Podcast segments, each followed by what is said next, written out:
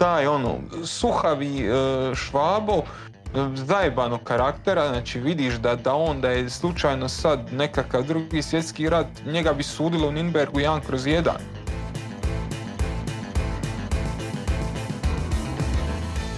Mislim da je jako važna stvar da je birao i čekao Arsenal da bi se individualno razvijao, jer imam osjećaj da je bilo gdje drugo da to što ti kažeš, ti 12 pogrešnih skretanja ne bi bilo moguće Arsena, ali nekako bi u takvoj situaciji da možda sebi to priuštiti. Ne znam, se sjećate scene prva sezona Gomore i onda sede oni napolitanci u, u, u, u zatvorili su neku birtiju noće i oni slave i ustaje jedan od njih pijan, drogiran i kreće da peva Hamšiku. Sad ne znam da li će u nekoj novoj, neće snimati nove sezone verovatno i nadam se da neće, ali ako budu snimali onda će da ustane neki drogirani i pijani da peva lobotki. Dobrodošli u četvrtu epizodu podcasta Najopasniji rezultat u produkciji velikih priča. Ja sam Uroš Jovičić i bit ću vaš domaćin i u ovoj epizodi. Posle tri epizode posvećene različitim temama, izborima u Futbolskom savezu Srbije, trci za MVP-a u NBA ligi i alternativnoj priči o golfu koja se obećavamo neće ponoviti. Prelazimo na, na ozbiljne futbalske teme koje se odnose na, na čitavu Europu, na stari kontinent. Ostavit ćemo prostora za, za regionalne preglede za malo, malo kasnije. Sa mnom su zbog toga u ovaj put u kokpitu dvojica ljudi koji su, se, koji su već debitovali na velikim pričama, kako je naš običaj, obojica sa po dva teksta i obojica, za obojicu smo dobili veliki broj pohvala zbog toga što smo uspjeli da ih ulovimo, iako lov nije do kraja gotov. E, u zapadnom uglu, preko puta mene, doduše samo na ekranu, iz Splita se javlja, iz okolice se javlja Mihovil Topić. Gde si, Miho? Pozdrav. Ma okolice, je malo šire okolica, samo tako. A iz, iz severozapadnog ugla se javlja čovjek kome je Haskić ulepšao ovo popodne i koji će konačno biti malo raspoložen. To je naš Saša Ivrulj, desi, odnosno Siđa Lambo. Spremio sam u scenariju Siđa Lambo, a ne desi. Iz okoline Mostara. Štokomu iz okoline. Trenutno u okolini Mostara. Pozdrav se. Šira okolica i kod tebe. Ovo je ona fora, naš kao Beogradski, Zagrebački, Sarajevski studio, nijedan od nas nije iz tog grada. Sve alternative je Ide jutro. Tako je. Mi smo nešto razgovarali o tome da, da bi trebalo da, da pređemo čitavu Europu, jel, da krenemo od Helsingborga pa nadalje, ko je kako ovog vikenda prošao, ali pošto snimamo u nedjelju popodne, a, a ovo kolo nije kompletirano ni u jednom prvenstvu, i s obzirom na to da, da je svaka tema i svaka priča koju bismo započeli za svako je potrebno 3-4 sata, nekog će da ubije žena, nekog će da ubije punica, posvetit ćemo se konkretnim temama, tako da ovaj put e, će u fokusu biti Bayern, Napoli i Arsenal za početak, međutim pre nego što krenemo sa tim ekipama, e, da samo za kratko spomenemo ovu farmersku ligu, ako sme tako da se, mada kod mene u podcastu sme sve da se kaže, tako da farmersku ovu ligu gdje je jedan eh, ozbiljan ozbiljno dobar prijatelj mihovila Topića u trci za, za titulu, do duše malo kaska i, onim remijem u petak Olimpik je u malo većem zaostatku u odnosu na PSG, mada ćemo vidjeti kako će Pariz večeras da završi. Otprilike ta trka u Francuskoj, to ćemo za kratko samo da spomenemo, je već ovim kiksom Olimpika i onim, onom pobjedom Pariza u derbiju, naročito nakon ispadanja Pariza iz, iz Lige šampiona, trka se polako privodi kraju, dok je u ovoj drugoj Ligi petice o kojoj danas nećemo pričati u Španiji, deluje sve već gotovo. Tako da možemo da se posvetimo Bayernu i, i da krenemo baš od njih, pošto su juče detonirali Borusiju i realno su mogli daju jedno 38 golova, samo je delovalo da doziraju. Kako je Miho tebi delovao ovaj početak gospodina na klupi? uz pa otprilike tako kako si rekao, kao da mogu zabiti 35 da im treba. Nevjerojatno je kako, kako Borussia izgleda na, na... Kako Borussia izgleda kad se namjeri na Bayern. Devet gostovanja za redom u Minhenu ljudi ne mogu do pobjede. Ali lako šta devet puta za redom izgube. Oni su u devet utakmice primili 37 golova. Znači to je više od četiri po utakmici u prosjeku. Za nekoga koji svih tih devet godina prvi pratitelj Bajerna, to je, to je stvarno porazno. Jučer su opet izgledali pa onako prilično smiješno.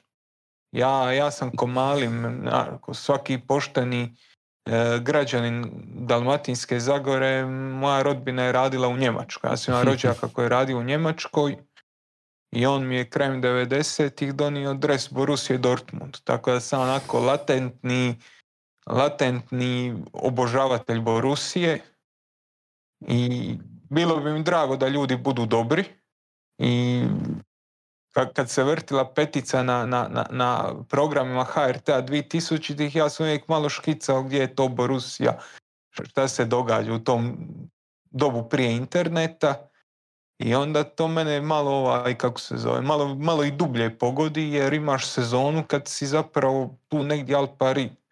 Šta jer su ti se poklopile neke stvari, šta jer te Jude Bellingham vuče i dođeš u taj Minhen i izgineš svaki boži put.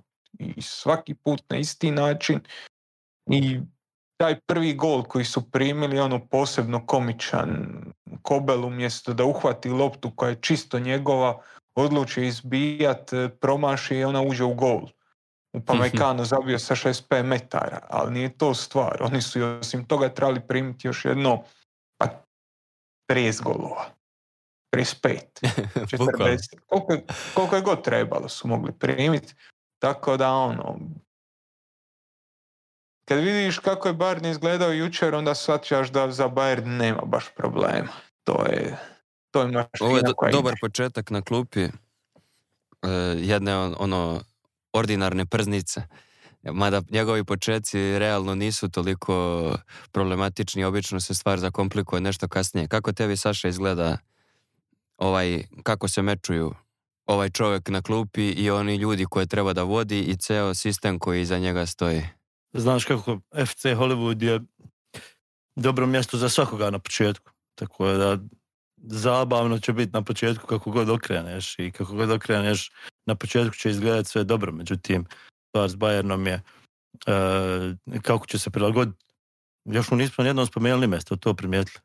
A ja ga ne podnosim, pa mu nije, kao, kao Voldemort u Harry Potteru. Mi ga je totalno izignorisuo ja mu nisam spomenuo ime. A, ispada ako da ne znam uopšte ko vodi Bayern, tako da se fino uklopilo, ali hoću reći, Thomas Tuchel, ima, ima, ima, odlično, ima, mislim, šta ti se treba desiti da se na početku ne poklope stvari s Bayernom, pogotovo s ovakvim Bayernom koji smo gledali juče i nemam pojma uopšte koliko imamo pravo pričati o tome da je to nešto što ima vede sa Tuhelom u ovom trenutku i, i, i mislim da, da trebamo sačekati i, i utakmice Lige prvaka, pa ako će početak sljedeće sezone, odnosno vidimo kako će ljeto proći, kako će sve to posložiti u slačonci da vidimo kakav će biti njegov utjecaj i, kako će se on uklopiti u Bayern. Vrlo je važno kako će se sklopiti sa Oliverom Kanom i kako će se sklopiti sa Hasanom Salhamidžićem, jer to su dvije vrlo važne individue na moj ponos, jel da upadne malo ono neka, neka. Svakako bih ja spomenuo njega, ne sekiraj se.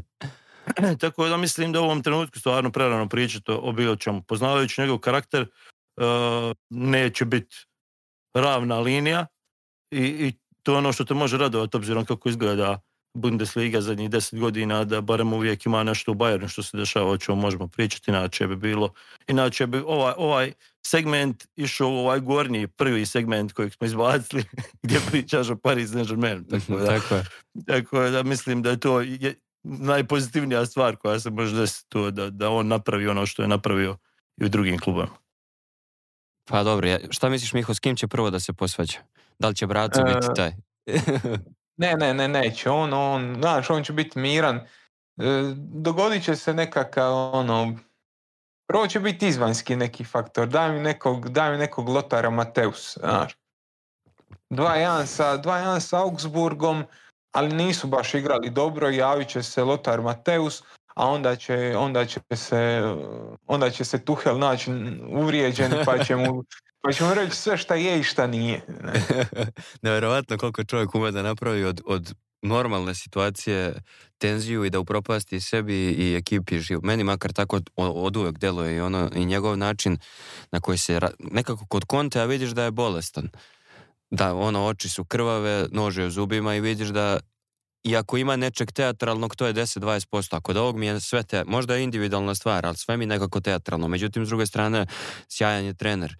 Kako, mi, šta, kako gledate sad na ovu situaciju s obzirom na to da oni nastavljaju takmičenje u, u Ligi šampiona, znači oni realno imaju još dva koraka ili tri, kako god, do, do novog pehara. On je i u Chelsea uspeo da, da uradi neku sličnu stvar. Znači, to što kaže Saša, to neće realno biti njegov trofej ako do njega dođe, ali mislim njegov, njegov, ali on je za te stvari, za taj kratak dah kako si ti za Kontea napisao, možda idealan, nego mene zanima kako, kako misli da će Bayern igrati i šta će on prvo da menja. Ajmo, može Miho prvi.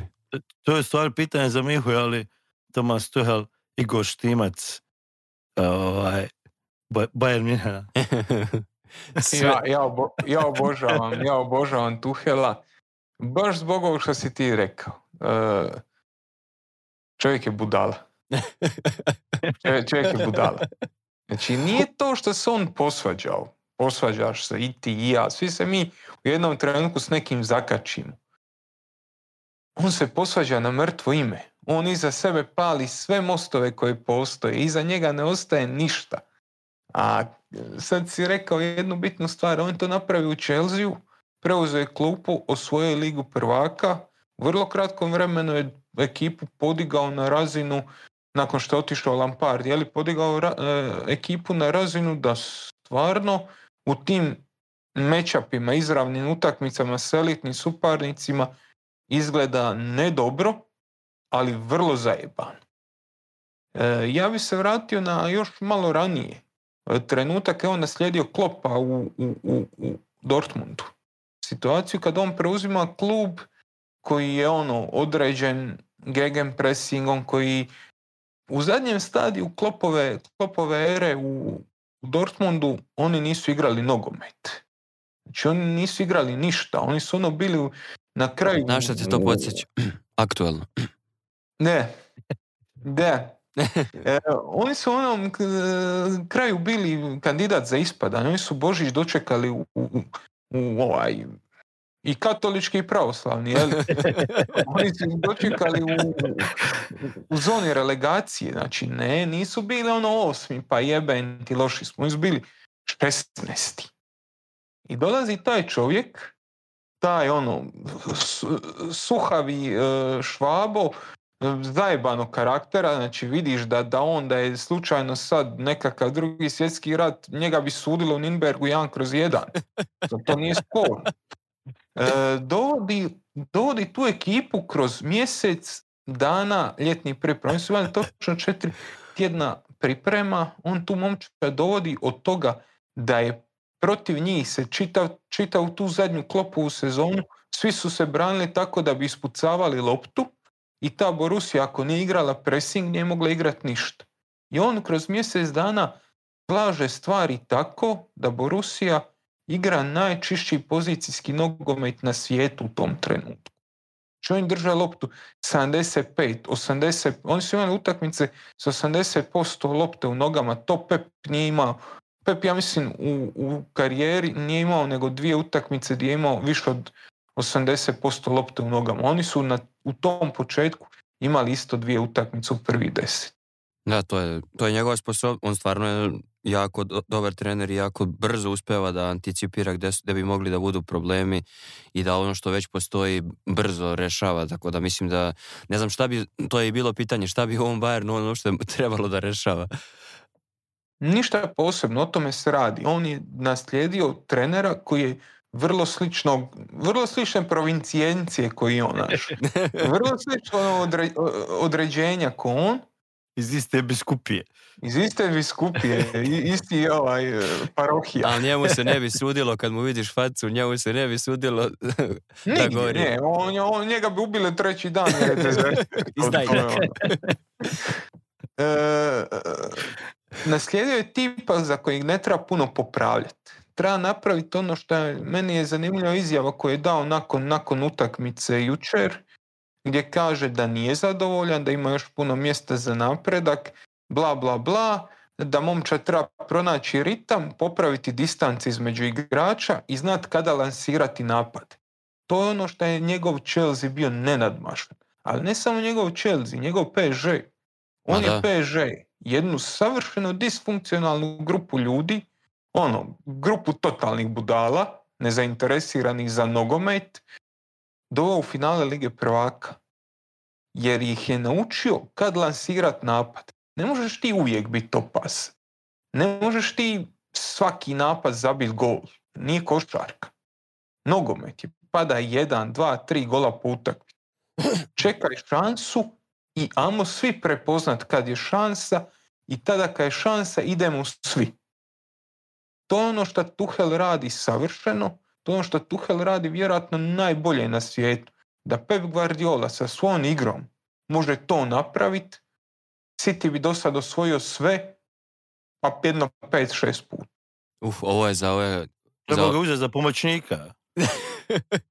A ne, mislim, ovo što govori, što Miho u principu, nema tu neke velike filozofije. Ono što Bayern igra i što je igrao pod prošlim trenerom, E, ne treba popravljati, nego samo treba zategnuti da bi izgledalo. A i kad si to spomenuo, kad si to spomenuo, ja sam htio s tobom da, da to. Ne. Ti si naviku o tužnim, o tužnim sudbinama i tužnim ljudima.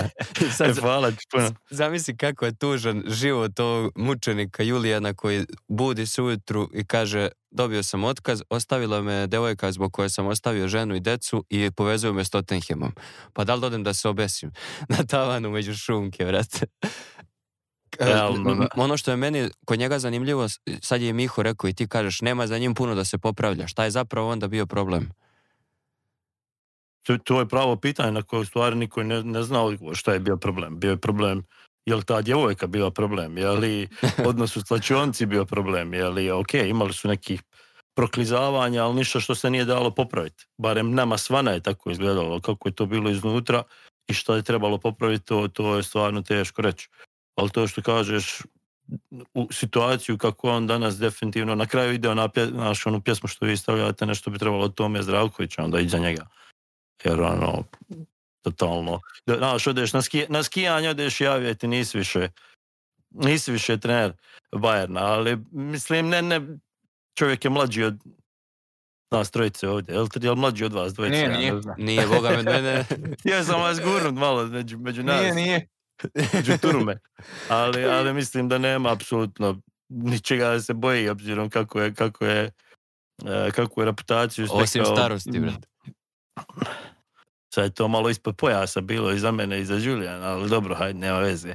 Hoću reći, nema, nema, nema čega da se boji kad je u pitanju trenerski posao. Tako funkcioniše futbalski svijet da ono, nema šanse da u roku šest mjeseci ne bude u nekom klubu kojeg percepiramo kao velikim. Trenutno je favorit Tottenham zato što Tottenham je jedini koji ima otvorenu poziciju, što ne znači da ostali neće imati za, koji, za koju sedmicu kako neki e, stoje e, trenutno. Tako da, ono, da sam na njegovom mjestu ne bi imao ništa protiv nekih Kariba, tri mjeseca i čekanja E, zadnjeg maja da odlučim gdje bi mogao i šta bi mogao i ne bi baš požurio u, u London, ne bi požurio u, Tottenham, iako prema onome što sam ja malo gledao i čitao, navodno on ne bi se reklo navijač Tottenham, ali navodno e, da ima e, je prema, prema ekipi za White Hart što dosta govori jel, o njegovom karakteru. Razne sam ljude upoznao s raznim osjećajima.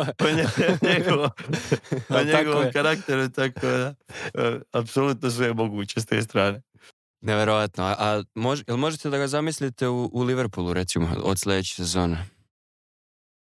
Mislim, pa prilično je alternativna budućnost, ali, ali jel možete da ga pa ne baš iz razloga što ne mogu zamisliti da će Liverpool dati otkaz klop. Hvala ti.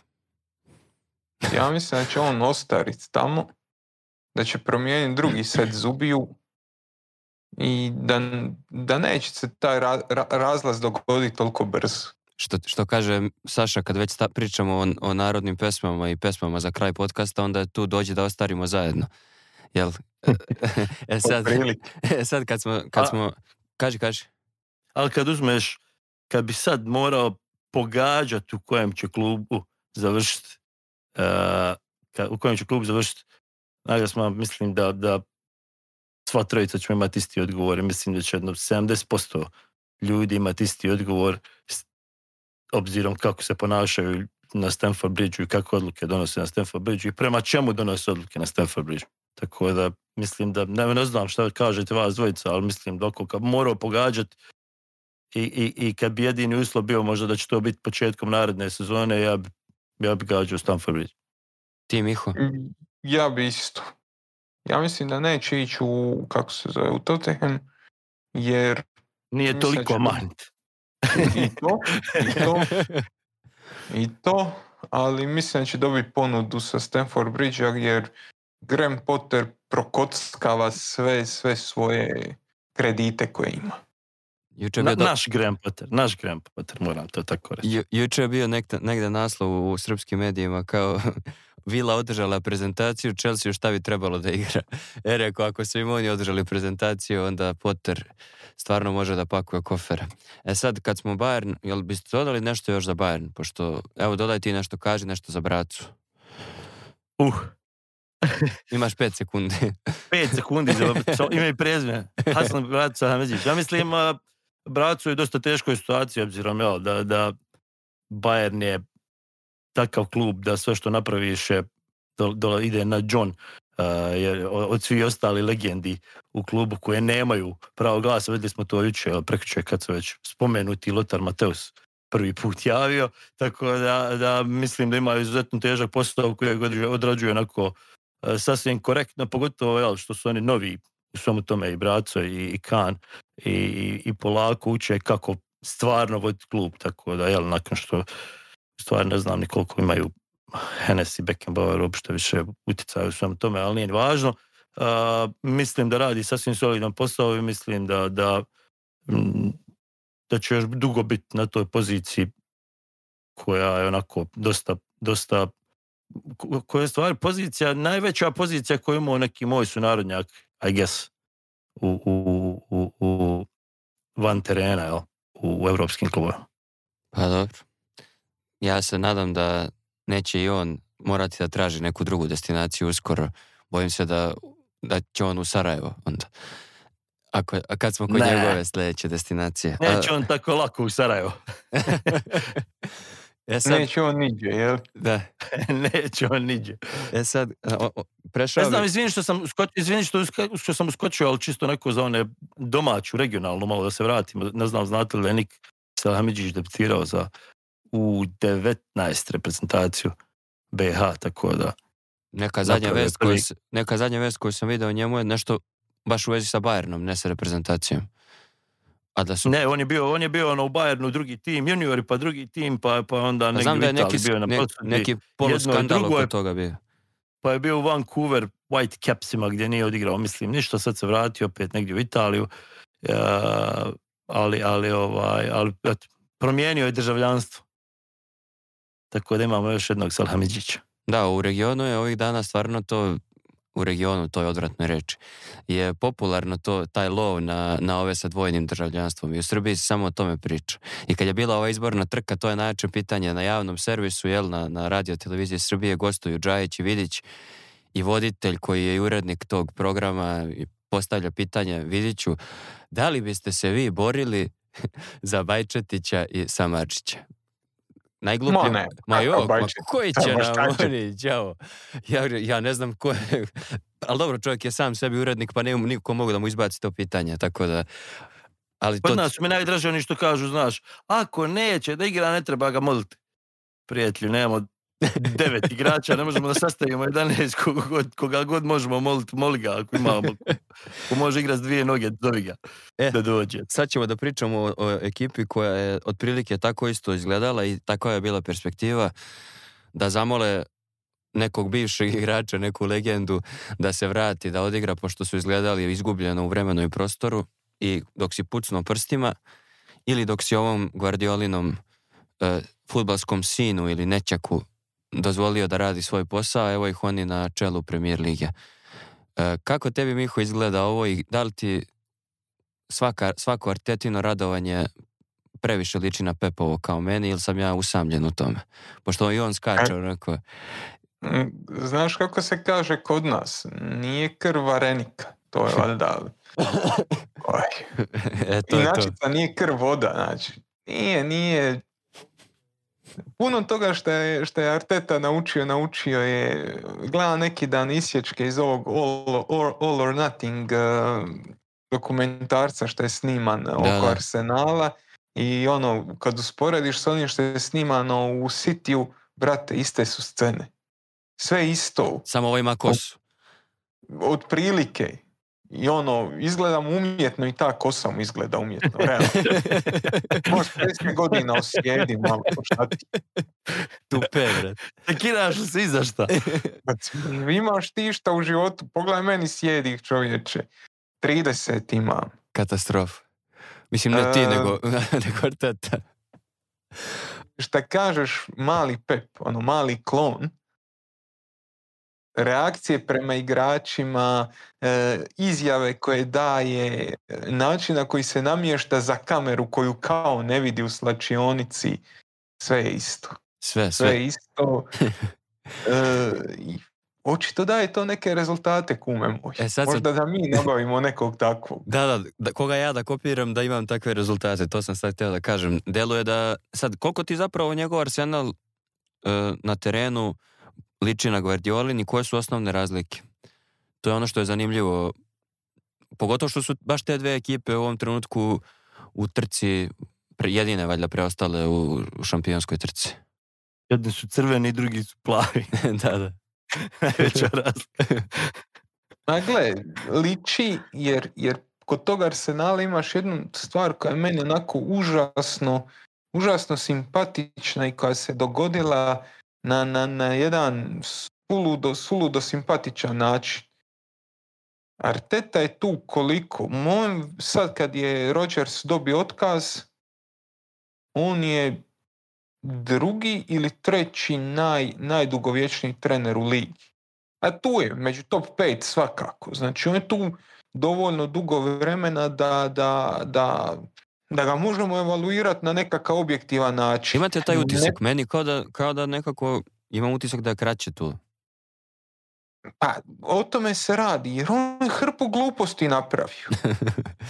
Znači, mi sad pri, kad pričamo o Tuhelu, pričamo o treneru, ok, on će sad napraviti to, dogodit će se to i to, igraju protiv City u, osmini, u četvrfinalu Lige prvaka, pa ako tu izgubi, pa će se re, ono, evaluirati njegova pozicija.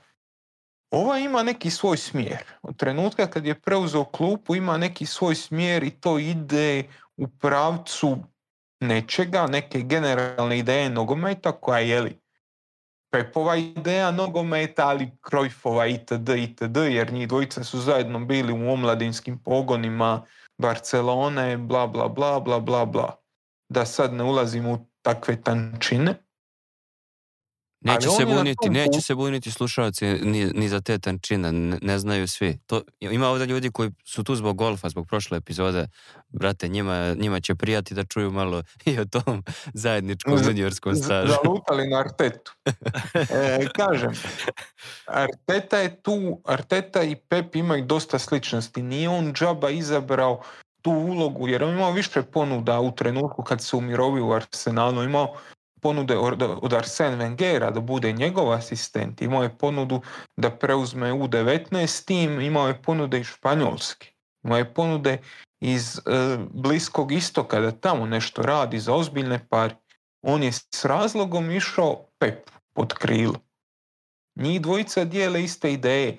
Arteta iz Baskije išao u Barcelonu, tamo je odradio svoj taj omladinski škol. Tamo je oblikovan koji igrač. Da, kasnije je to preuzeo Wenger, Wenger je ostao velik utisak na njega i sve to, ali taj prvi nekakav ono formativni dio je proveo u Barceloni. I ta ideja je ista, ali na tom putu kojeg je Arteta prešao kad je preuzeo Arsenal do danas, Arteta je napravio a jedno 12 krivih skretanja. Kad ono imaš Artetu i Arsenal i onda Arsenal 3-4 utakmice izgleda fantastično, onda nešto promijeni i onda 7 utakmice izgleda katastrofalno. I većina drugih trenera, počevši od, od, od pa nadalje, kad jedanput pogreši, pogriješi, jako teško se vraća na to originalni put. On je svaki put to krivo skretanje uspio nekako iznivelirati. Znaš, jedan put si skrenio krivo, pa onda još tri puta skreneš desno i vratiš se tamo dakle si krenuo. To se njemu događalo. On se uvijek uspio tih stramputica vraćati ponovo na put, učit i napredovat. I, pa I ono zanimljivo kad je nešto je nagrada za to upravo. Da, upravo to. I ono što je zanimljivo, kad je naučio nešto svoju momčad, to je ostalo. Ono, nadograđivao. Nije nikad e, izgubio neki bitan element igre koji, koji mu je ono donosio nešto prije toga. I to je, to, to se recimo kod Tuhela ne može reći. Tuhelovi momčadi znaju izgubiti ono, znaš, u jednom trenutku su dobro zonski branili e, bočne, bočne zone, jer kao igra s tri natrag je često igrao, pa je dobro branio bočne zone i onda je to funkcioniralo, funkcioniralo, onda je nadogradio nešto na to, ali se izgubio taj element. To se Arteti nije događalo i zato je ovo sad jedna jako, jako dobra priča koja se onako organski rasta. U današnjem nogometu je to prilično rijetka pojava. Da, da. iskreno mislim tu da, da, je jako važna stvar, kao što si rekao, da je jako važna stvar bila, odnosno da je birao, čekao da ide kod Pepa da bi se dalje razvijao na isti način. Mislim da je jako važna stvar da je birao i čekao Arsenal da bi se individualno razvijao. Jer imam osjećaj da je bilo gdje drugo da to što ti kažeš, ti 12 pogrešnih skretanja ne bi bilo moguće. Arsenal, ali nekako bio u takvoj situaciji da, da možda sebi to priuštit, a u isto vrijeme, znaš, ono, mogu čekat nešto, a neće negdje dole propasti. Iako su i oni imali onu situaciju što su malo prije da su bili u Maltine u borbi za opstanak dočekali jedan od Božića. Doduše, oni već nisu ovaj, pravoslavni, samo su samo su ovaj, katolički 2020. čini mi se. Ali hoću reći, Arsenal je bio, znaš, u takvoj situaciji da je bio bilo gdje drugo u Engleskoj, mislim da mu, da mu se ne bi otvorila takva prilika da nastavi uh, svi ti 12 puta što ti kažeš da se vraća na pravi put. Ovo je ono Najbolji primjer zato je vjerojatno Graham Potter da. koji ono, svaki puka iskreno, je skrenuo krivo on je nastavio ići krivo jer jebi ga, toliki je pritisak na leđima, javnost, mediji, igrači koje si doveo, a onda i struktura u klubu te pritišću da se čovjek jednostavno potpuno pogubio. Ovdje je ovaj, šta, šta, Sale kaže, uvijek imao nekoga ko će ga potapšati po leđima i reći, ma dobro je, ti si naš, ono, smiri, udahni istegni, popi vode i vrati se natrag. Dobro, ne, samo, ono- ne samo da, je, da je njihov, nego u tom trenutku Arsenal, odnosno pre njegovog dolaska, nije Arsenal ni na šta ličio, tako da nisu oni imali ni, ni na šta da se osvrnu, pa da kažu, e sad je on došao, pa je nešto upropastio. Njegova početna pozicija u i, i početna pozicija kluba kad je on došao je bila prilično loša. Tako da nekako se cijela ta situacija lepo poklopila i deluje mi da će ova, ova priča Arsenalova, naročito ako izdrže do kraja, biti ono udžbenički primjer kako izgleda, kako se nagradi kad istrpiš trenera. Ta čuvena naša što niko ne trpi trenera, ali zapravo to jeste stvarno važna stvar i, i ako stvarno uspe da se izbori do kraja, a ostala je još skoro trećina, a i četvrtina sezone, onda će moći da svi da kažu da su bili u pravu, iako, iako mnogo puta nije izgledalo tako. Jel mislite da će da izdrži s obzirom na to da je objektivna razlika pet bodova, jel tako? Osam je sada, ali to je sa utakmicom manje, a City deluje kao da ne može da izgubi, nisu primili gol neki ogroman broj minuta pre ovog Salahovog počasnog, tako da tako da mi deluje da neće da baš tako lako prosipati. Guardiola je pokazao i u prethodnim sezonama kad se trkao sa Liverpoolom da posljednjih 10, 15, 20, koliko treba posljednjih kola, on će pobediti, neće nijedan bod prosuti. Pa me zanima da li mislite da može Arsenal da izgura da ne ispusti pet, jel mislim da će sa istim brojem City biti šampion. Ispravite me ako grešim. Mislim da hoćem bolju gol razliku imaju i ta utakmica koju su odigrali međusobno je otišla na njihovu stranu, tako da... Imaju onako simpatičan raspored do kraja ima Arsenal, nisam siguran da, da, da baš da je bez mina potpuno. A, pa, ja čak vjerujem više Arsenalu nego sitiju Vjerojatno to sad sam malo odspavao popodne, ubilo soko iza ručka, možda se još nisam probudio, možda još onako zamantan, ali City, to što kažeš kao pet bodova je, je, ok, pet bodova je, sve super, ali je pet i po bodova. Znaš, City isto mora dobiti tu utakmicu. I nakon toga Arsenal ima Liverpool gostima, West Ham u gostima, onda ima Southampton, i onda ima City i Chelsea spaja. Znači City u gostima i Chelsea mislim da je doma, vjerojatno je doma, trebalo biti doma. I onda iza toga ima zapravo laganicu, ima Brighton, Wolverhampton, Nottingham i mislim da je Newcastle još e, ostao. Newcastle je odmah posle Chelsea. Tako nešto, da. Dobro, nisu ni Brighton ni Newcastle realno baš laganica ove sezone. Nisu laganica, ali kad pogledaš kako, kako Arsenal izgleda ove sezone i koliko rijetko gubi, na kraju izgubili su od tako da... Um, pa da. Može se izgubiti, ali, ali mislim da, da da je premalo kola ostalo da bi oni sad gubili u serijama. Oni trebaju izgubiti od Sitija, ok, treba izgubiti još treba još dva puta kikset. E, znaš šta, čitavo vrijeme govorimo, u stvari čitavo vrijeme kao da svi kolektivno čekamo taj pa da. to prokli, proklizavanje Arsenala, jer nam na početku sezone nije djelovala logična razvoj situacije kakva je sada. I sada nekako svima, svima, bi nam bilo dokaz da oni nemaju širinu, jer smo u jednom trenutku sezone govorili nemaju širinu, igraju stalno isti, umorni su, vrtimo se u krug. Međutim, kako vrijeme prolazi i oni očito postaju, odnosno imaju sve više samopouzdanja. Ja mislim da će biti ključna ova utakmica sa Chelsea.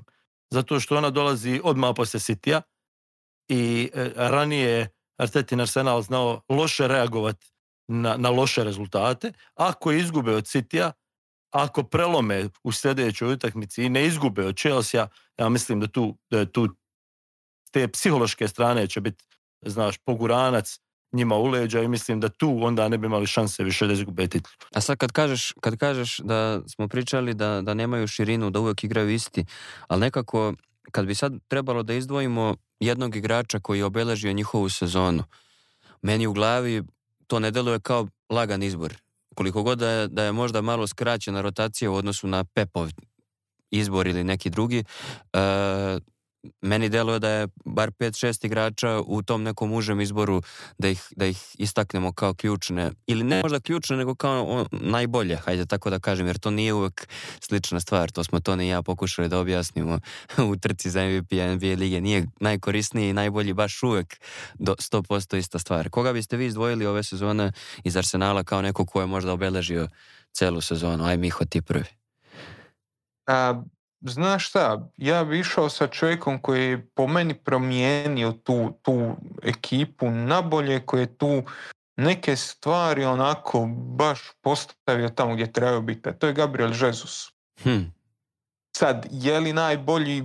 Vjerojatno ne. Imaš e, Saku, imaš uh, ovoga, Martinellija, imaš Salibu koji igra brutalno dobru sezonu na stoperu. Edegar igra fantastičnu sezonu, ali on u trenutku kad je došao je sve oko sebe napravio boljima. Znači imaš Granita Đaku u sredini, imaš partija, dečke koji su izgledali smiješno, ispadali su kao... Pa, Osim svi, Svi, svi, živi su samo brojili dane od trenutka kad će Granit Đaka odletit mm, iz kluba i kad će mu taj ugovor prestati jer ga ne možeš dat ni darovat, ne možeš, ne možeš ništa s njim, ne prodat, ne možeš ga darovat. Tako da ono... Ne, ne možeš ga ukesiti, ono što se ide u goste, ne možeš ga. Ne, ono, ono, ono, bijeli, bijeli papir i... kilo kafe, kilo kocke, graničak. I kilo džekjer. Ali, ali, svakako, on, on ima jednu ekipu protiv koje uvijek dobro igra, to je reprezentacija Srbije. On je delovao u svakom trenutku meni u prethodnim sezonama i sa onim bacanjem trake kapitenski gdje mi ne bi više nikad igrao da sam da se znaš ono, da je meni neka vlast ne bi mi igrao dva minuta više pa i ono svađanje sa navijačima i svašta je radio i mnogo puta se desilo i ove sezone da kao da deluje da hoće da se upali ta lampica njegova nenormalna pa ga onda ovi ostali podsjećaju kao e nisi ti taj stari ti si sad ovaj novi nego mene sad zanima kad kaže Jezus da je promijenio u kom smislu je on na primjer poboljšao neki od ono, unapredio igru nekih od tih igrača s kojima možda nema, na prvu loptu bi neko od slušalaca rekao da nema direktnu konekciju. Mm, da, malo sam skliza u, u, kako se zove, u digresiju, ali ne, da se vratim, znači na koji način Gabriel Jesus tako što je prije njega bio Tula Kazet, još prije toga Aubameyang, igrači koji realno puca im pola kurca za obranu. Nisu baš neki pressing igrači, nisu nešto. I onda kad imaš njih koji vode tu prvu liniju, a najbolji ti je primjer Liverpool. Kad si ostao bez, e, kad si ostao bez Manea. Sadija Manea i kad si umjesto njega doveo Darvina Nunjeza koji je energičan, koji je brz, koji je jak, koji bi htio trčat, ali ne zna gdje treba trčat, tebi je pressing igra čitave momčadi kliznula ono u u pakao. E, to je ovo. Samo za, sa druge strane spektra. Ti si doveo vjerojatno najboljeg pressing igrača u toj prednjoj liniji. Ti si doveo čovjeka koji nevjerojatno dobro svaća taj pritisak, s koje strane odreza dodavanje, kako se postaviti da zagradi suparniku liniju dodavanja prema sredini, da ga usmjeri lijevo ili desno i onda kad ga je usmjerio, onda sa sebom povuče još svoja dva, tri suigrača da tog suparnika jednostavno zatvore na taj dio terena. I kad si njega takvog doveo gore, njega koji ima volju trčat, koji zna kako trčat, koji, kojeg je to zapravo, vamo biti iskren, držalo u Manchester City sve te godine, odjedan put sva ta agresija koju Granit Jack ima, a koja je prije izgledala smiješna, koja je izgledala kao nekakva ono, a, on, anomalija u svemu tome, to je sad usmjeren. Jest. Taj partijeva kvaliteta koju ima u toj sredini terena, gdje on prije pokrivao ogromnu količinu prostora, to je sad usmjeren. Imam osjećaj da ih je, da ih je e, Gabriel Jesus usmjeri u pravom smjeru. Da je tu momčad napravio puno kompaktnijom da je stvorio takvom kakva treba biti ta Pepova momčad, odnosno pa, pa, Sad sam htio da kažem da nije slučajno što je baš iz te ekipe, iz tog sistema doveo baš ono, gotov proizvod za, taj sistem. Manje više. I njega i, i ovoga Zinčenka, pogotovo njega. I onda u tom trenutku kad je, kad je e, on otpao poslije svjetskog prvenstva, e, Enketija preuzima njegovu ulogu, Enketija koji ne razigrava toliko dobro kao što to radi Gabriel Jesus. nije, ono, Enketija ima nekakav osjećaj za gol. Zna se da, naći da, Zna, zna on to. Zna, zna kad treba, ali do sad kad je igrao u nekakvim tim tandemima sa Lakazetom, kad je mijenjao Obameanga prije par godina, kad je tek ulazio unutra, izgledao je smiješan pressing igrač sad izgleda jako dobro. Uspio je kompenzirati taj dio e, kompenzirati taj dio kojeg je nudio e, Gabriel Jesus ne jednak uspješno jer evo ti kad pogledaš zadnjih šest utakmica u pet od njih šest Arsenal je postigao e, tri ili više golova. To što šta, Sale kaže E, svako malo mi čekamo taj kiks. Oni su u nizu od šest pobjeda, četiri gola, jedan gol Lesteru, tri, tri, četiri, četiri. Ali oni su u, u, u četiri od tih šest utakmica primili gol. Oni primaju više golova nego prije, jer Enketija nije toliko dobar koliko je dobar Gabriel Jesus, ali su zadržali taj, to bitno obilježje igre koje prije Žezusa uopće nisu imali. Žezus je pokazao kako. Enketija je prihvatio, odigrao je nešto i ti koji su mijenjali enketiju su isto ono, kad poglaš protiv tipa, protiv tih utakmica kad je bilo, kad je ulazio e, Trossard, kad, kad su gori ono, kad su gori mijenjali te igrače u špici niko nije dovoljno, niko nije toliko dobar, ali svi su dovoljno dobri. Imaju nekakav uzorak na koji se mogu osloniti. Ne, Mislim da je to najbitnije u ovoj sezoni. A ko je tebi, Sale, obeležio sezonu u Arsenalu? pa ja bi se prije svega složio sa Mihom da je mnje Jezus da je digao na drugi jedan nivo, ja bih tako rekao, čitav ekipa oko sebe eh, unaprijedio, međutim, uh, pošto ti malo pregovorio razliku između najkorisnijeg i najboljeg, E, najkorisniji statistički jeste e, Bukayo Saka i, i, iz dva razloga bi ja njega izdvojio. Prvi razlog taj što volim tu njegovu e, energiju, znaš, koju donosi na terenu i, način na koji koristi prostor i, i, i, kako se kreće. A drugi razlog je ono što mu se desilo u finalu Europskog prvenstva i da, sve ono što se desilo poslije tog finala Europskog prvenstva nas na društvenim mrežama i, jedan dokaz kako smo svi zajedno bolesno društvo, e, međutim, umjesto da se desi ono klasično englesko pucanje, e, nakon toga njemu se desila sasvim druga stvar, dobio neku i podršku, dobio je čak i podršku navijača rivalskih klubova, što nikad ne bi očekivao e, u takvoj situaciji i, i, i brzo se digao iz i svega toga i nekako iz te ljudske, s te ljudske strane mi je drago da igra ovakvu sezonu kako igra, ja bi njega istakao. Ne, ja bih, ja bih, ja bih, nismo se dogovarali da budu različiti, ali meni je, meni je Edegard ovu, ovu sezonu obeležio, nekako mi pristaje to i ta traka na ruci i, i nekako on sa tim senzibilitetom, sa identitetom futbalskim, to kako igra, kako i on, boga mi, ove sezone koristi i on ima osjećaj za gol, nevjerovatno ove sezone, nešto što nisam pretpostavio da on može toliku produkciju u napadu da ima, ajde, asistencije, nekako sam mogao i da, očekujem, ali to da se nađe baš svaki put na pravom mestu, da je poklopi, da šutne neki, neki šut preko 3-4 bloka, što niko ne očekuje da to uđe. On mi je obeležio ovu sezonu i, i ponašanje njegov. Nekako kad je Džaka kapitan Arsenala, kad smo već krenuli da ga udaramo, da ga udaramo onda svim silama. Kad je on kapitan Arsenala, nekako to ti automatski ta hijerarhija, nešto ti to nije jasno.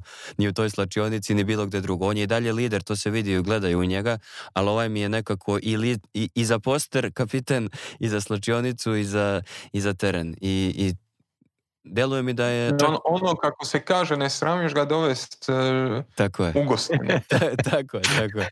Neće da napravi nikakvu glupost, a pritom mi deluje da je i defanzivno ove sezone, iako to, rekao bih, nije baš njegova jača strana, ili sam ja prestrog, ali svakako deluje mi i defanzivno bolje nego što, što se očekivalo od njega. Tako da možda i njega Žezus, jel, kao i, i cijelu tu, ekipu. Tu se vraćamo na tu osnovu, aj bar po meni osnova. Brani manje prostora. Yes. Jezus je smanjio teren koji se brani. Jest, jest. Samim tako. time svi izgledaju bolje. Da, da li smo... Da li smo... Ja, Martinelli je moj miljenik, on mi je najdraži, recimo. Rećemo i opet sve. ne, sal, sal, sal, Saliba je super. Super je Saliba. Gabriel što je igrač, Ne, to ne, ne Ben White. Da, da, ume i. Ume, da, da. e, njega ne bi vodio nigde sem na žurku, vrat. Čekaj, ali golman, ali... Da, da. Ne, Arsenal je ove... Pa upravo to jeste fora. Stvarno i da smo, da smo izdvojili i golmana i, i nekog od štopera i pa čak i, i, nekog iz, iz veznog reda ko čuva leđa ovima koje smo, o kojima smo mi pričali ne bismo pogrešili jer su oni stvarno svi imaju sezonu iznad očekivanja. Mislim da niko nije ono na nivou očekivanja. Mislim da su svi prebacili i da su timski prebacili očekivanja i ja se lično i nadam da će da imamo pravo da budemo toliko subjektivni. Ja se lično i nadam da će da, da izdrže ovoj trci da budu. Imamo u redakciji recimo tu mi navijači Liverpoola, nas dvojica, imamo tu sukob Marko Prelević tvrdi da mu bolje da osvoji City, makar zna da je to to kao i prethodnih godina, ne ovako kad City ne osvoji, da osvoji baš Arsenal od svih. Ali ja nekako imam i u kući ove navijače Arsenala, tako da, da, sam priklonjeniji tome. Ostaje nam još jedna tema. Znam, mislim, mislim da e, Premier League u ovom trenutku baš treba da Arsenal bude prvak. Yes. Znaš, da donese još jednu dimenziju, da donese nešto novo, neko novo ime, pogotovo za mlađe generacije, mlađe generacije koji se ne sjećate 90 uh, i, i, i, Arsenala iz 90 i Hyberija i svega toga što su oni igrali tada. Uh, mislim da, da novoj generaciji navijača i Premier Liga želi da privuče novu generaciju navijača, uh, nedostaje još jedan takav klub kakav Arsenal, United je bez rezultata, Liverpool je pravio nekih sjevno s jednom sezonom. Eh, Ej, sad s jednom sezonom. Ne, ne, mislim u ligi. Uh, su bili, jel? Uh, Manchester City manje više dominira i to nikad nije dobro kad je u pitanju komercijalizacija i kad je u pitanju tržište. I zato mislim da je Premier Ligi jako važno s te komercijalne strane da, da dobiju Arsenala kao prvaka ove sezone. Pa, Reci mi Uroš, rekao si da imaš navijača u familiji. Koliko navijač ima godina? E pa to ćeš da se iznenadiš. Ima 22. Oho. E, to nije malo, o tome ti, to, ti hoću reći. Dobro, da mu prenesem. Ja sam, ono, kad sam polagao te licence za, za, za trenere i to pa si radio nekakvu praksu, onda radiš sa, djecom ono 16, 15, 16 godina. Niko ne navija za Arsenal čovječe. Nijedan. Da, moj brat je, moj brat je vezan zbog Andrija. On je uhvatio Andrija u posljednjoj i možda, možda posljednje dve sezone u dresu Arsenala kad je bio baš klinac i ne može da se, dobro, kakvi god, kakva god da su navijačka opredeljenja, ne može da se ne zaljubiš u Andrija u, u, tom periodu kako je igrao i onda je to nekako logična identifikacija bila. A i da ne navije za isti klub kao brat, tako da... Kad je, kad je već full disclosure, uh, na, i moj brat sedam godina stariji je navijač Arsenala, e, ja Znači, vraćamo se još sedam godina od mene, znači baš džuturum. Međutim, znaš kad odrastaš u istoj sobi sa sedam godina starijim bratom, onda slušaš istu muziku i, i, navijaš za isti klub, tako da i ja sam djetinjstvo proveo, ne bih rekao kao navijač Arsenala, jer ja sebe deklarišem isključivo kao navijača jednog kluba, ali stvarno mi je uvijek bio drag Arsenal. Što se tek promijenilo prvi put kad sam došao na Emirate, što je opet sad priča za sebe. Ali, ovaj, full disclosure, ako već moram reći za koga, ako već bi morao izabrati jedan klub u Europi koji mi je najdraži, onda je to Arsenal. Što... meni je, meni je prvi, prvo bio prvi izbor u toj identifikaciji bio Liverpool, pa tek onda srpski jedan. Tako da dobro, ali kod nas to Mostaru i Splitu je malo drugačije. ne, kod, kod nas ne može to. To, to, to, ne, ide. tako. To da, ne ide. da znam da ne ide, ali i kod nas nije, nije uobičajeno, ali ja sam imao ozbiljna cepanja familijarna da me ubede kao najstarijeg unuka i sina na koju stranu i na kraju sam izabrao Liverpool pre jednog i drugog. Pravimo pa, minijaturnu... Pazi, ovo, prije pauze, kad već govorimo o godinama, tvoj brat navija za Arsenal zbog Thierry a ja kad moram izabrati najdražeg igrača Arsenala, to je bio Tony Adams. Tako da, čisto da, da slušalci osjete koliko sam stvarno star. Da, možemo da objavimo i sliku, sve će im biti jasno. I, ne, nego da proučite karakter Tony Adamsa u svoje vrijeme. Onda, ako ti je to najdraži čovjek, onda, onda nešto nije onda baš. Onda je jasno koji je tvoj jedini klub za koji navijaš. Sad da napravimo samo kratku pauzu u kojoj ćemo jednom prilikom kad budemo imali sponzora ubaciti reklame. Ljudi, slobodno dajte lovu, to je baš dobra fora i mi vam onda kao damo malo prostora. I onda se vraćamo da pričamo o jednom klubu koji također razbija monopol i time završavamo ovu epizodu. Čujemo se brzo.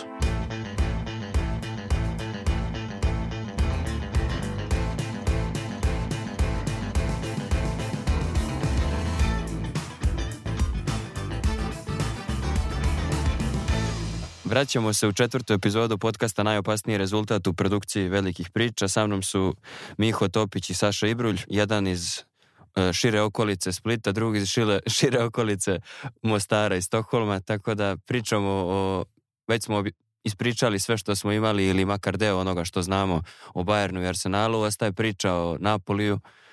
E, nećemo, nažalost, moći da do kraja ovog podcasta, mada kako smo krenuli možda dočekamo i njihovu utakmicu, ali nećemo znati realno rezultat njihove utakmice do, do kraja ovog podcasta, ali Napoli je otprilike jednom i po nogom došao do skudeta i sad je samo pitanje trenutka i pitanje tajminga kada će potvrditi titulu.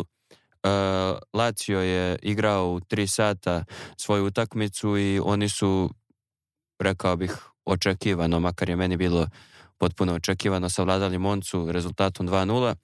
E, tako da Lazio koji je najbliži pratilac a sada ima 16 bodova za ostatka i utakmicu više.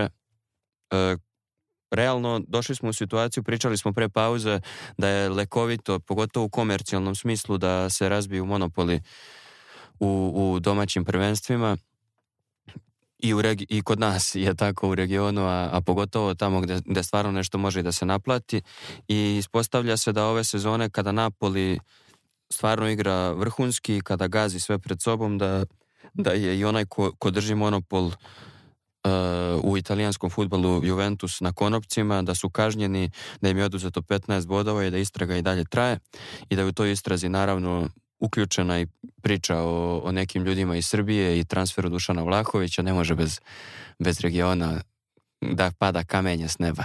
E, tako da Napoli je, kažem, na, na pragu skudeta, Napoli je ušao i u samu završnicu nokaut faze e, Lige šampiona i tu igra protiv italijanskog e, predstavnika i protiv večerašnjeg protivnika. Miho, kako bi ti ocenio šta je zapravo ključno bilo u tome da Napoli ovako pokori čizmu? Ovo zvuči kao stvarno naslov u, u nekom ono, istorijskom času, da pokori čizmu. E, Napoli ante Portas. Tako je. E, ja moram biti party breaker pa reći ja mislim da je ključ to što su konkurencije zapravo nisu ni pričamo o monopolu, e, kad pričamo o monopolu Juventusa, taj monopol je prvo razbio Conte sa Interom, a onda je razbio AC Milan koji objektivno nema vrhunsku momčad koji je znao odigrati dobre utakmice, ali kad ti kreneš malo secirati u momčad, to je rupetavo do zla boga. I onda dolaziš do toga da je taj Inter puno lošiji nego što je bio, onda dolaziš do toga i da je Milan od tih momčadi koja je trebalo pojača da bude konkurentna, izgubio još dva, tri bitna igrača i imaš Juventus koji je i prije tog oduzimanja bodova bio blagi horor. Jest. I onda kad gledaš Napoli, Napoli ovo prvenstvo osvojio u jednoj konkurenciji koja je, amo je nazvat neadekvatna. Gdje ti nemaš nikoga koji njih zapravo izazvao. Sam si rekao 16 bodova od e, Lacija i utakmica više. I onda kad se dogodila ta, taj kazna Juventus, kad je dogodilo se to oduzimanje bodova, mislim da je Napoli puno lakše igrao, da, da, da je tu pao, pa, pao nekakav teret s ramena i da su pobjede neke dolazile same od sebe jer nije baš isto kad imaš pritisak nekoga, kad je neko za vratom, kad neko dahće i kad znaš da nemaš pravo na, kriv korak ili kad možeš igre rastereći. Napoli od Božića sad izaberio ćeš katolički ili pravoslavni, tako jedno zna da je prvak ili zna da ono, da samo treba igrat, da, da, nema, da nema nikoga koji je tu blizu i, i to je nešto šta nešto što je u ovom, u ovom kontekstu po meni ono, toliki kapital da je, da je, to, da je to strašno. Kako ti sad ocenjuješ, jel, jel ima malo i do njih? Šta je, ok, slažem se da, su, da je kontekst takav da u ovom prvenstvu otprilike možda ne bi baš zvezda, ali Dinamo bi se potuko za, za, za titulu, ali me zanima kako tebi izgleda. Ipak su morali oni da, da naprave neki upgrade u odnosu na prethodni period da bi imali kontinuitet. Slažem se da je lako igrati bez pritiska, ali oni su u nekim direktnim duelima sa tim timovima koji su razbijali monopol, jel? Ili su ili drže monopol pokazali da stvarno igraju ozbiljan futbal makar za taj italijanski nivo ove sezone slažem se apsolutno s smijehom kad kaže da je konkurencija bila slabija nego ikada. Uostalom, zato je, kao što ti reče, i Milan bio prvak. Međutim, jednu stvar koju si ti naglasio u, u uvodu pitanja je ta da, da spomenuo se oduzete bodove Ventusu. Mislim da e, kad pričamo ovom, ipak treba naglasiti da nisu oduzeti bodovi Juventusu i dalje bi ovakav Napoli e, bio prvak. Imali bi 12 bodova trenutno prednosti Ne samo zato što su bolji od Juventusa, nego zato što, što Juventus i, i, i Juventusa plus 15 nije pravi. Međutim, eh, kao što kažeš, nije baš da, da nije ništa ni do njih i oni su odigrali vrhunsku sezonu, napravili su, eh, napravili su konkretne promjene, od, riješili su se neki igrača koji su im bili, rekao bi više psihološki problem nego, nego, nego igrački problem.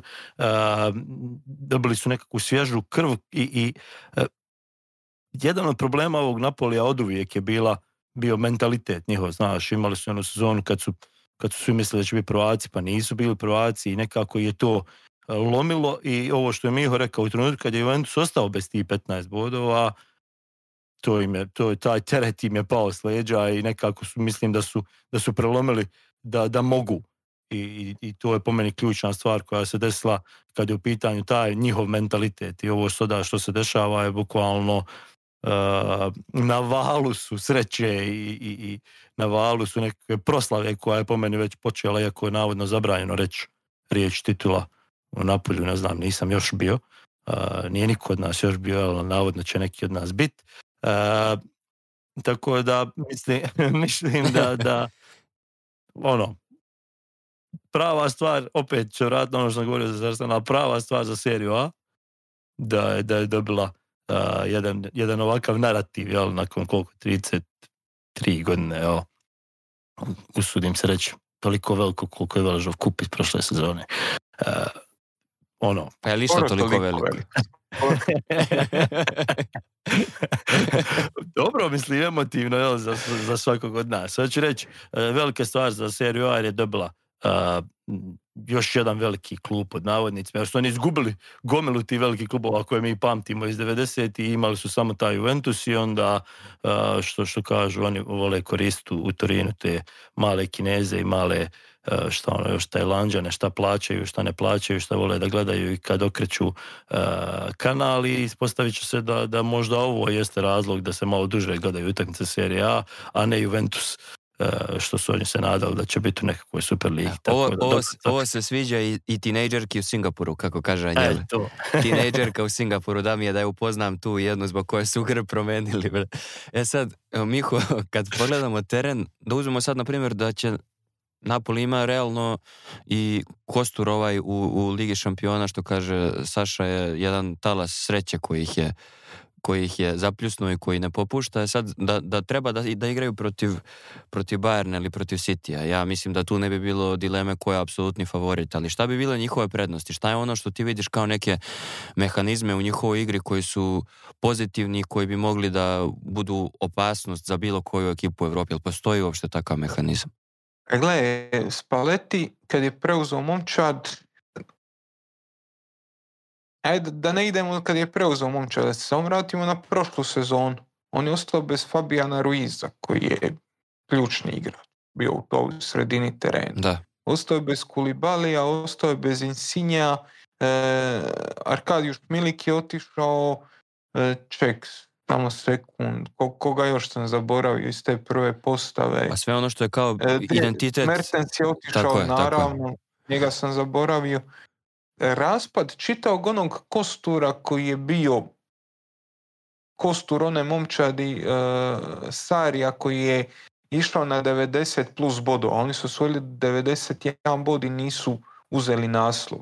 Da je ono, jebi ga, ta flak Ali ovu, utak, ovu kad pogledaš njihovu utakmicu sad i da ne znaš da ti pokaže neko, rekao bi to, to je tao. to je ta igra, to su ti igrači imaš, imaš taj mehanizam otvaranja igre na toj lijevoj strani e, gdje ideš preko, preko tog bočnog igrača e, Rui kogod igra na tom, na, tom ljevom beku e, obavezna se tu spoje dođu blizu e, zgusnu izmjenjuju kratke dodavanja e, Lobotka koji, vodi tu igru i onda na, na tom ljevom krilu imaš Kvarašelju koji je koji je Bog. Ti kad pogledaš njegovu statistiku, mi smo malo prije pričali o Saki, e, pričali smo o Odegardu, ovo ono. Pa njegovih 12 golova i 12 asistencija nije sad nešto da ti se smrzneš. Ali stil koji on igra, način koji on to spaja, koji sve se vrti preko njega, način na koji eto, ta trojica, četvorica Oliveira, Rah, Rahmani, ovisi ko donese tu loptu do, do, do, do, te sredine, samo je trebaš dostaviti njemu. Kaj daš njemu, gotovo je. I nekako imam osjećaj da je on bio ta iskra koja je to sve zapalila. Ta, ta njegova lakoća, lakoća igre, e, brutalno, brutalno koliko je zabavan igrač. Koliko je ono, koliko je unio tu neku svježinu u tu igru, Ideja je ostala ista, znači ideja je ostala vrlo slična onom što je Sari radio. Pa na kraju krajeva e, Napoli je igrao tako i pod Gatuzom i on je i pod Gatuzom što onako čudno, blasfemično, on je uspio zadržati taj kostur igre da se igra taj nekakav kvazi sari bol, to, to nekako kompaktan posjet, pa će oni nešto između sebe na kratkom prostoru, pa će odigrat neke dubine, nešto. To je bilo onako okršteno od nikako, ali ideja je bila ista. I sad je Spaleti sa još pet promijenjenih igrača došlo do toga da, da to funkcionira.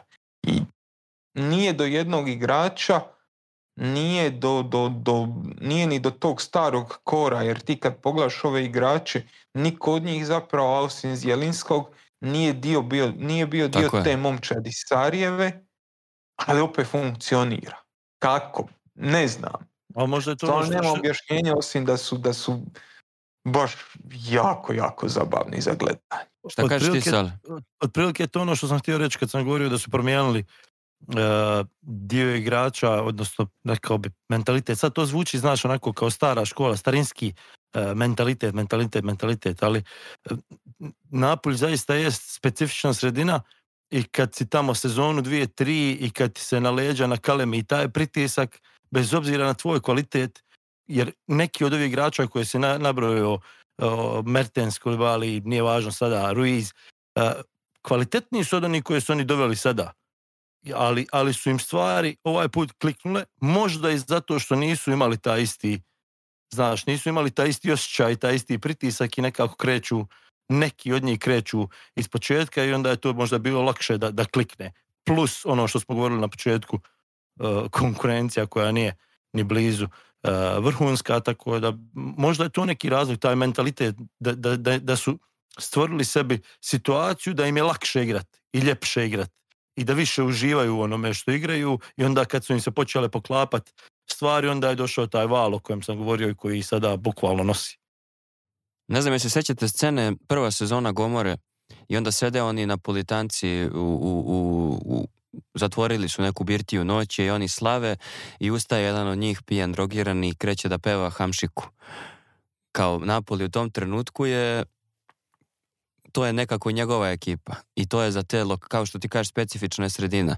Kao što, znaš, u tom trenutku ima i boljih možda igrača od njega, ali oni se vezuju za nekog takvog. I sad u ovom trenutku opet jedan Slovak jeste duša te ekipe, ja bih rekao, sad ne znam da li će u nekoj novoj, neće snimati nove sezone verovatno i nadam se da neće, ali ako budu snimali onda će da ustane neki drogirani i pijani da peva lobotki. Znači nema, nema zbora. Sad kako vama deluje taj deo veznog reda, s obzirom na to da ja, ja bih rekao da je to možda zapravo naj, deo ekipe koji je pretrpeo najveće, najveće promene. Šta je kod Lobotke specifično u odnosu na igrača koje je nasledio i, i da li mislite da bi on, na primjer, mogao da se proda dobro u narednom nekom prelaznom roku? Nema, Srbin kao pa bog, on bi odmah prodavao. kako da ne prodajem, šta misliš da će ovo sve, pa Napoli jeste, jeste Čekaj, sad da ovdje treba ubaciti na dio, kako Mamić bi čekao pa bi zaradio mjesto 20, 50 milijuna. e, on e, Znaš ti ko je njega prodao? E, zašto je kažnjen? Ba ima neki Srbi su tamo prodavali Vlahovića. Pam, pam. Tako je. Zna se ko je kriv, vrat. E, Zna se ko je negativac i glubi ga Šerbeđija. U stvari, kad pričam o tome, mislim da je jedna od ključnih stvari ovog Napolja što i ne pričaju o tome koga će prat. Ne znam, možda ja ne pratim dovoljno, ali uopšte su skroz su isključeni iz, iz, iz iz sfera, znaš, ovo, i ove zime bili i kupovanje i, i prodaja, ono, yes, totalno yes. su isključili, mi imamo ovo sada što smo napravili nakon 30 godina i ne, nemojte nas ništa, pustite nas malo ovo što imamo napulje, da tu mi malo igramo se svake druge subote i mi ćemo to da proslavimo, pa ćemo onda vidjeti šta ćemo, ko ćemo lišta zarađivati, ćemo lovo, ćemo, ono, ali brate, pustite nas ovih ovi dva Ne, ovo mi je više, više fenomen kao fenomen igrač koji je napravio neki bum, makar možda ja stvarno gledam njega nekim, nekim zaljubljenim očima pa preterujem, ali deluje mi da je stvarno da, da, da, igra odličnu sezonu, da je tu jedan od ključnih igrača, pritima 28 godina. I zato sam i pitao Mihu šta misli da li bi, ga, da li bi u ovom kontekstu na ovom tržištu kako sad funkcioniše, da li bi za takvog igrača recimo neko dao pare, šta misliš? Mislim šta mislite obojice? On je prije 15 dana produžio ugovor. Šta Pa da, znam to, 2027. Tako, što je zanimljiva stvar, znači potpisao na četiri godine i za njega pretpostavljam da bi trebalo dati 50 plus milijuna eura, da ga oni ne bi pustili za manje. A onda imaš situaciju Fabiana Ruiza, onda imaš prije toga situaciju e, Žorvinja, koji su bili na istoj poziciji, u istoj ulozi koji su bili ti metronomi tih momčadi, i sad, to je nepošteno prema Žoržinju. Ja mislim da on njegova epizoda u Chelsea bila jako dobra. Ja sam puno veći njegov fan nego, nego većina ljudi, ali imaš ta dva upozorenja i nemaš baš puno klubova koji su spremni iskrcat 50 milijuna eura za takvog zadnjeg vesna. Koliko momčadi zapravo on treba po toj cijeni? Bili ga Liverpool kupio koji sad trebao obnoviti veznu liniju. Vjerojatno ne. Bi ga kupio Manchester United? Mi, mi smo matori svakako. Znaš. Tako da, da ja mislim da, da, da, da će ipak biti Kvića i Josimen, da će oni biti prvi u izlogu, a da, da, da će Lobotka ostati neko vrijeme. A šta mislite, koliko je realno da ih napoli, ovo, sam, ovo je bio mali, mala kao predigra, očigledno nedovoljno dobra, e, za, za sljedeće pitanje.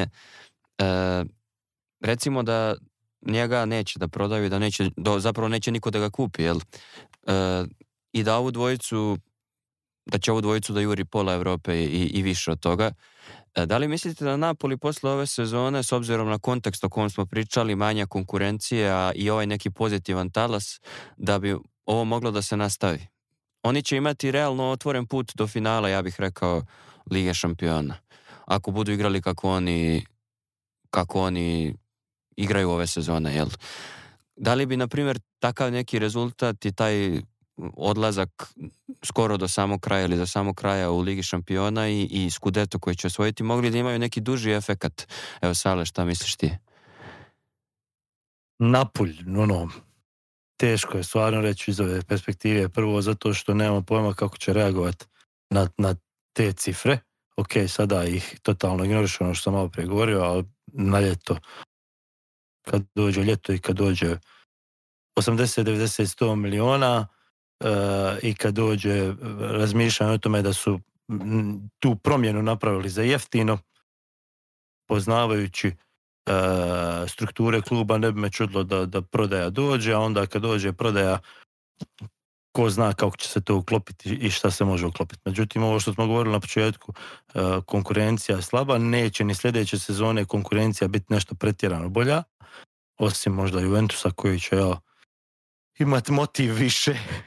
Koji će biti serije B? da, nadamo se.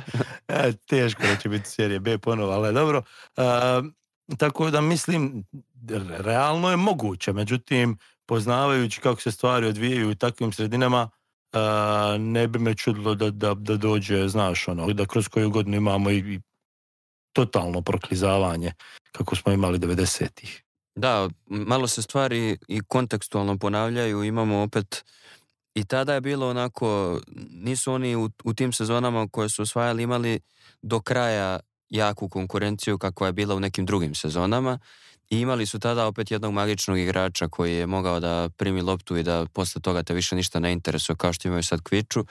I imali su jednako ovako se sve tradovao njihovoj tituli, jednako se spremala proslava i ne znam jel znate da je identitet navijačkih grupa sa Balkana nekih a ovih iz Beograda pogotovo i ovog jednog kluba pogotovo izgrađen na tim proslavama Napolijevih titula koje su trajale po 3-4 mjeseca pa su momci iz Beograda išli tamo 3-4 mjeseca na ekskurziju da slave i onda naučili fore i fazone. Tako da je, meni je nekako zanimljivo da baš nakon toga što je Argentina postala prvak sveta, Napoli ima priliku i zapravo nema priliku nego će osvojiti skudeto kao jedan mali krug koji se zatvara iznad, iznad glave. Da, da pišem tekst, rekao bih kao neki oreol koji se zatvara iznad jedne glave ovog što nije više s nama, ali to bi već bilo previše za, da, da izgovoriš. E, zanima me da sad treba da me posavetujete pošto planiram u Napulj, kad da idem, koji vikend da gađam, šta mislite koji vikend osvajaju titul? Ja imam, ja imam prijatelja jednog. samo jednog samo jedno. Dobro, brate. Jedan, bolje jedan nego ni jedan. Dobri smo prijatelji. Više mi on zla napravi u životu nego iko. E, čovjek, kum sam u navjenčanju, čovjek se ženi baš vikend kad, kad pomeni kad će Napoli, Napoli osvojiti osvojit naslov. Ja mislim da će to biti e, ja mislim da će to bit tu kako se zove krajem petog mjeseca to biti ta utakmica protiv Intere da, da, da je to to. Da će, da će tu biti e, središnja proslava. Ja sam nešto, nešto možda sam previše optimista pa sam gledao, meni je u glavi ovaj posljednji vikend aprila 29.30. da će to već da bude tad. A računa, je na bilo koju da odeš, Salernitana, Fiorentina, Inter, da, da, mm. da, da će Moguće, biti ali kaže, ja mislim da će protiv Intera biti onako proslava, da će tu biti e, e, da, će tu biti najveći hype.